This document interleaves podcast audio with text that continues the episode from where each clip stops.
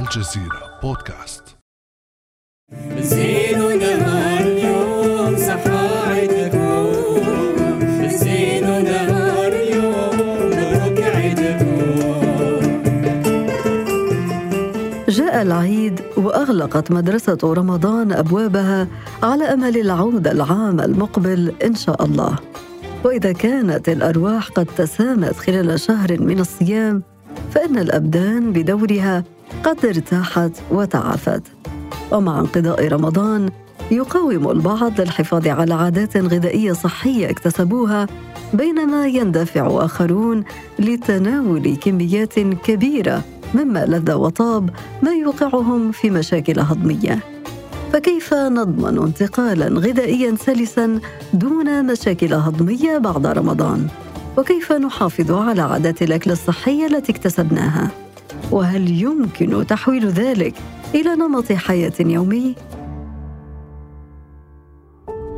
هذه أنا أمل العريسي وهذه قصة جديدة من بودكاست الجزيرة بعد أمس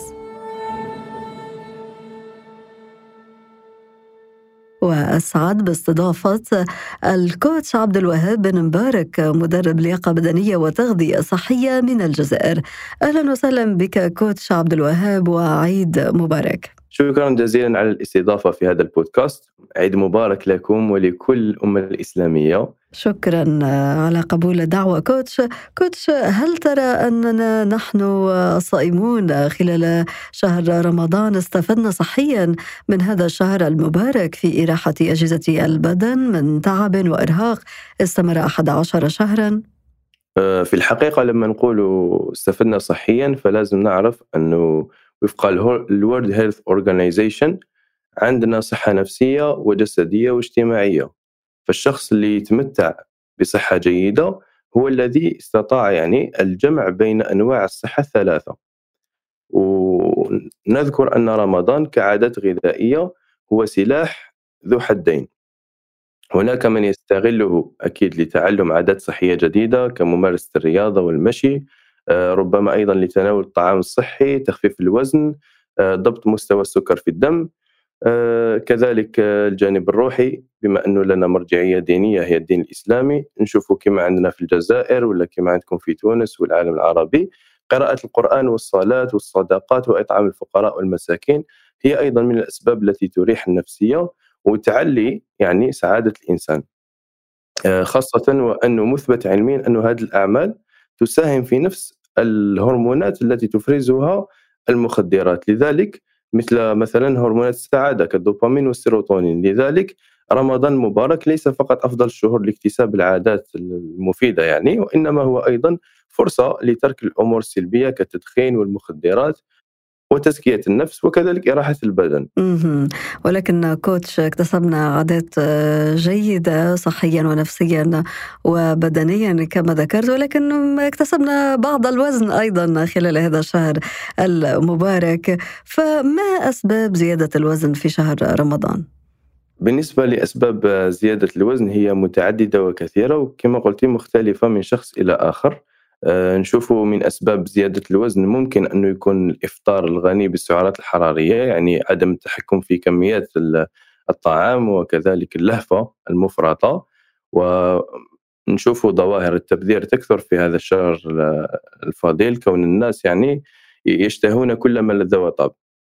لذلك الإفطار الغني بالسعرات الحرارية ممكن أن يؤثر آه، على زيادة الوزن. في حال تجاوز الشخص احتياجه من السعرات الحرارية كذلك نوع الطعام. نوع الطعام نشوف إحنا مثلا في الجزائر عندنا آه، ما يعرف بالبوراك في في الخليج نشوفوا آه، السمبوسة عندنا أيضا الزلابيه التونسيه المقالي آه، نشوفوا أيضا النهم في الأكل الناس لما تجلس في الطاولة في العادات الخليجية يعني نشوفوا أنه يحطوا الطعام مجملا. يحطوا يعني صحفة ولا قدر كبير ويتناولوا منه وهذا الأمر هذا ما يخليناش نحددوا كمية الطعام من البداية. يعني يخلينا ندخلوا في في دوامة من تناول عدد كبير من السعرات الحرارية وعدم التحكم في الكميات. كذلك ممكن لبعض الأشخاص لما يشوف نفسه صائم وهكذا أشياء يترك الحركة والمشي. يقول لك أنا صائم لذلك نحاول ما نتحركش قدر المستطاع. نوفر الطاقة. يوفر الطاقة وهذا مفهوم خاطئ. لذلك راح يكون عنده يعني ال- الإنسان لما يكون في حالة سكون احتياجه للسعرات الحرارية هو خفيف جدا مقارنة بإنسان يتحرك. والفرق بيني وبينك وبين الأشخاص ليس فعلا في الميتابوليزم يعني ليس فعلا في معدل الحرق وإنما الفرق الكبير هو في آه، الحركة والنشاط البدني الغير رياضي. لذلك نذكر نحن في تجربتنا في هذا الشهر الفضيل في مع مجموعة العيد السعيد لخسارة الدهون التي أسسناها. كان الهدف منها عبر ال social media كان الهدف منها هو تحفيز الناس على المشي وزيادة عدد الخطوات وتم تحديد عدد الخطوات اللي حددناه. كان آه، 12 ألف خطوة في اليوم. ما جعل الناس يعني يجتهدون في هذا التحدي وبالعكس ارتفع عندهم عدد الخطوات في رمضان أكثر من آه، منه في الأيام الأخرى. آه، نشوف أيضا من أسباب زيادة الوزن السح- السحور الغير صحي ولا وجبة السحور الغير صحية. آه، وكأن الشخص سبحان الله يتجهز لمجاعة أو لحرب ما وهي فقط نعم. وهي فقط ساعات يعني ساعات صوم في ظل رفاهية هذا العصر وين رانا نشوف المكيفات متوفرة في كل في كل مكان. نعم أسباب كثيرة كما ذكرت كوتش عبد الوهاب وبالتالي هذا منطلق جيد حتى تعطينا بعض الن- النصائح حتى نتخلى عن العادات السيئة التي آه، تمكنا من تجاوزها في شهر الصيام ولا يجب العودة إليها حفاظا على صحتنا ونحن الآن في أجواء عيد الفطر المبارك. آه، بعد رمضان سيشعر كل من استغل هذه المنحة بالسعادة والسكينة لأنه في باله قد انتصر على نفسه ربما وسيطر على شهواتها من أكل وشرب إلى آخره. آه، مؤكد عندنا أنه من يقدر أن يتحكم في مأكله ومشربه وحياته لمدة شهر فهذا بحد ذاته إنجاز ويدل على أن الإنسان يستطيع أن يتعود على أي نمط صحي يختاره لحياته. آه، نشوفوا ممكن أنه من بين العادات الصحية ممكن أنه نستغلوا كذلك صيام ست من شوال وممكن كذلك ندخلوا عادة آه، الصوم في نمط العيش تاعنا لأنه مريحة جدا للجهاز الهضمي. ونعلم جميعا أنه التحفيز يأتي بعد رؤية النتائج، التحفيز لا يأتي قبل البداية، لا ننتظر نجلس في مكاننا وننتظر التحفيز لياتي، الموتيفيشن تأتي بعد رؤية النتائج، هذه مقولة يعني نقولها لجميع المشتركين عندي لتشجيعهم والأمر صحيح لذلك الإنسان إذا كان هدف عنده هدف في زيادة الوزن أو خسارة الدهون في شهر رمضان ويبدأ فيه سيتحفز بعد أن يرى تلك النتائج ويمكنه أن يواصل بعد الشهر الفاضل. كذلك يمكن للشخص تطبيق نظام الصيام المتقطع لأنه نظام آه، جيد لا يختلف عن الأنظمة الأخرى. في ناحية السعرات الحرارية ومفهومها ولكنه نظام علاجي يصلح لعلاج العديد من الامراض الأمراض وإراحة البدن.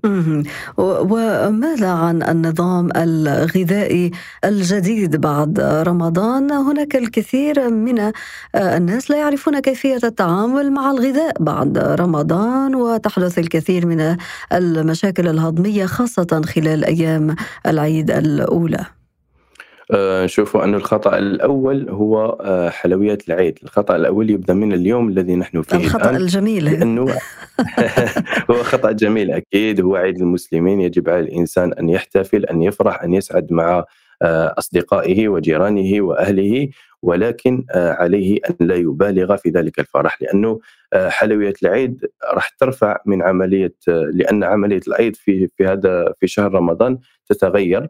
وتلك الحلويات سترفع من نسبة السكر في الدم. وكما نعلم أن الجسم في حالة الصيام يعتمد على الأجسام الكيتونية لإنتاج الطاقة وليس فقط على السكريات. لذلك نسبة الأنسولين تكون منخفضة في الدم. نروح نصدموها مباشرة في آه، العيد ونعليو نسبة الأنسولين اللي تولي مفرزة بشكل مفرط.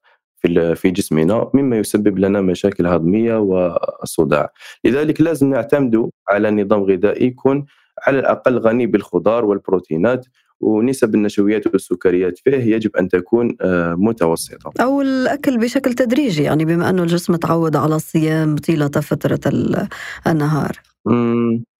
لو نقول الأكل بشكل تدريجي راح نشجعه على العودة للعادات القديمة السيئة وهذا الأمر آه، يجب أن نشجع عليه. عادات يعني سناك يعني كل مرة واحد يأكل شوي شوي هكا. نعم السناكين السناكين آه، راح نتكلموا عليه إن شاء الله. هو من بين العادات السيئة عند الإنسان اللي ما يخليش يتحكم في كمية الطعام. آه، وعادات أخرى تخلصنا منها في هذا الشهر الفضيل ما لازمش نعاودوا نرجعوا لها ونرتكبوا نفس الخطأ. لذلك نشوف باللي رمضان فرصة لكل من كان يعني مبحر يعني كان ضائع في في الماضي ولازم يسترجع آه، صحته بعد رمضان إن شاء الله. طيب كوتش عبد الوهاب أعطينا بعض النصائح في هذا السياق لمن يريد ضبط نظامه الغذائي بعد رمضان. بين النصائح التي يمكن تقديمها لمن يريد آه، ضبط نظامه الغذائي بعد رمضان هي الاستمرار على آه، نظام جيد سواء من ناحية التسوق اختيار المنتجات التي يتناولها بعناية سواء من ناحية الطبخ واستعمال طريقة طبخ آه، جيدة وصحية وكذلك من ناحية النشاط البدني آه، سواء كان مشيا أو رياضة. آه، كذلك ننصح آه، الجميع بتنظيم النوم لأن النوم شيء آه، شيء يعني مفروغ منه ومتفق عليه أنه آه، يجب على الإنسان أن ينام حوالي سبعة إلى ثمان ساعات آه، مستمرة وخلال الليل وألا يسهر لذا لأنه سيضيع طاقته وسينفذ منه يعني ال- المحفزات التي تساعده على الحياة. الإنسان الذي يسهر تجده دائما تعبان في, في يومه ولا يستطيع عمل أي شيء في حياته لذلك ننصحه بالنوم الباكر والجيد وكذلك تناول الطعام الصحي وممارسة الرياضة. هذه هذه الأمور ستساعد الشخص على الالتزام وعلى الاستمرار والديمومة إن شاء الله. كما ذكرت رمضان هو فرصة وبداية أيام العيد هي اختبار لما اكتسبناه من عادات صحية خلال هذا الشهر ال- الكريم. مدرسة متكاملة الأركان بدنيا وذهنيا وروحيا. كما ذكرت كوتش عبد الوهاب. فما هي الطرق العلمية لتحويل حياتنا إلى حياة صحية متكاملة الأركان وتحويل هذا النمط الذي كنت تتحدث عنه إلى نمط يومي عادي طوال السنة. الطريقة الصحيحة هي اكتساب العادات. أه، لما نتكلم على اكتساب العادات الكثير يقولون تكلم علميا لا تخرج من أه، يعني سياق السياق العلمي ولكن أه، الحقيقة أن هذا الأمر هو الذي أه، سيفيدك وسيجعلك في الطريق الصحيح. اكتساب العادات يكون أه، باستعمال طريقة 10 minute action. ما هذه الطريقة؟